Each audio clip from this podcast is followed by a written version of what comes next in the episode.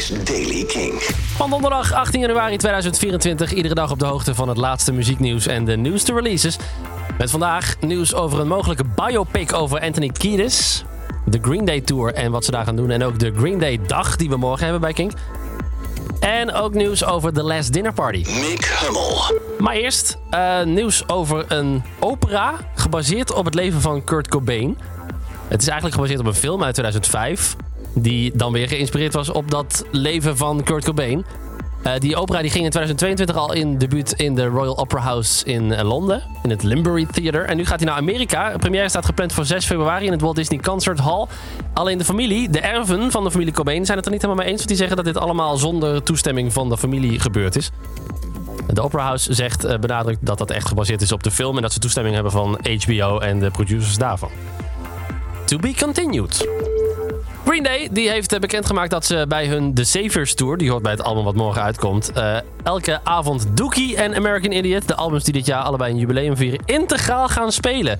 Dus zet dat in je agenda als je erbij bent voor eh, de King Present Show van Green Day op 19 juni in Gelredome. Daar gaan ze dus ook die beide albums integraal spelen. En daarnaast heel veel toffe andere dingen. Ook veel van dat nieuwe album dat dus morgen uitkomt. Morgen is het trouwens Green Day dag. Vrijdag 19 januari bij uh, Kink. En maak je hele dag kans op dat nieuwe album Saviors op vinyl. En ook op een Dookie pakket. Alleen voor daarover vind je in de Kink app. De Les Dinner Party die zijn lekker bezig. En ze zijn nu ook Amerikaanse televisie aan het veroveren. Hun uh, debuut op de Amerikaanse tv was gisteravond. De Londense band die uh, deed een live uitvoering daarbij. Stephen Colbert, The Late Show op CBS. alleen het jammer is dat ze dus wel ehm, ja, de gecensureerde versie uh, ten gehore brachten.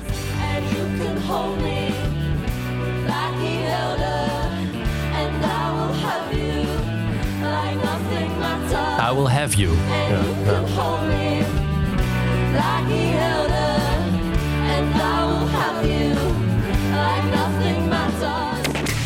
Laat ook nog op Instagram een leuke foto met een uh, Stephen Colbert petje op hun hoofd met de tekst daarbij. Bedankt voor de uitnodiging, koning Stephen Colbert. Lekker bezig dus.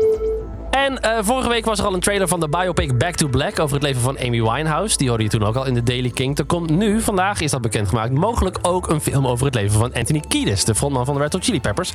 Deadline Entertainment Site die schrijft dat uh, filmstudio Universal de rechten heeft gekregen op de autobiografie. Het boek wat hij zelf gemaakt heeft om daar een biopic van te maken. Kiedis zal dan zelf ook als producent betrokken zijn. Het project bevindt zich momenteel nog in een vroege fase, zoals ze dat zeggen. Dus er is nog niks bekend over de cast, de regisseur of een eventuele release en of die er überhaupt wel definitief komt. Maar het verhaal gaat. En tot zover. Altijd op de hoogte blijven van het laatste muzieknieuws en de nieuwste releases. Abonneer je dan op de Daily Blend via de Kink-app of waar je dan ook het liefst naar podcast luistert.